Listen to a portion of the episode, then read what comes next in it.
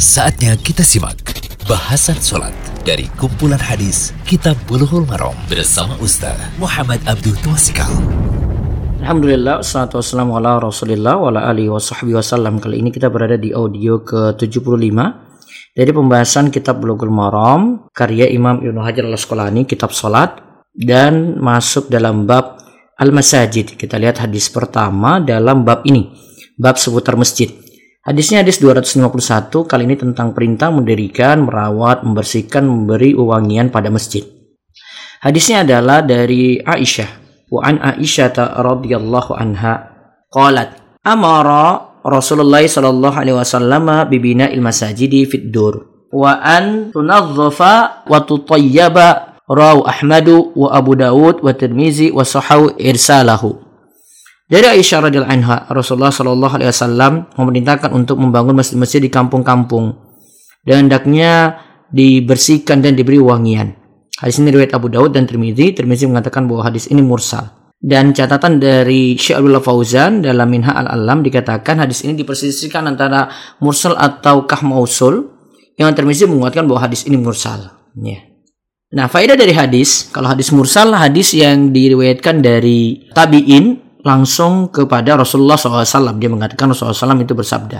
Berarti melewati sahabat. Dan dapat digolongkan sebagai hadis yang lemah. Walaupun tadi ya ada perselisihan antara hadis ini bersambung, mausul, ataukah hadis ini mursal. Faedah hadis yang pertama dianjurkan membangun masjid di kampung-kampung. Atau ad-dur, artinya di kabilah-kabilah. Ya, di kampung-kampung itu hendaklah ada masjid. Nah, pembangunan masjid ini yang faedah kedua, pembangunan masjid ini di kampung-kampung bertujuan untuk mengumpulkan penduduk kampung dalam sholat lima waktu sehari semalam.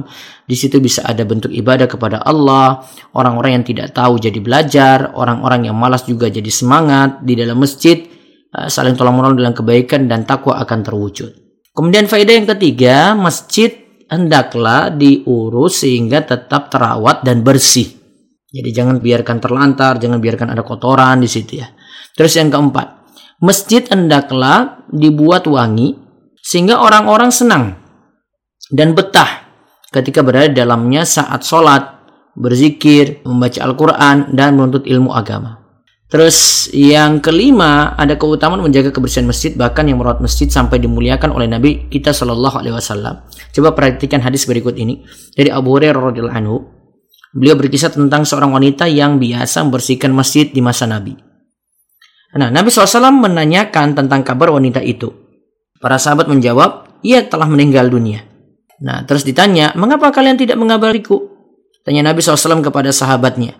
Para sahabat mengira bahwa pekerjaannya tersebut tidak terlalu terpandang begitu. Ya.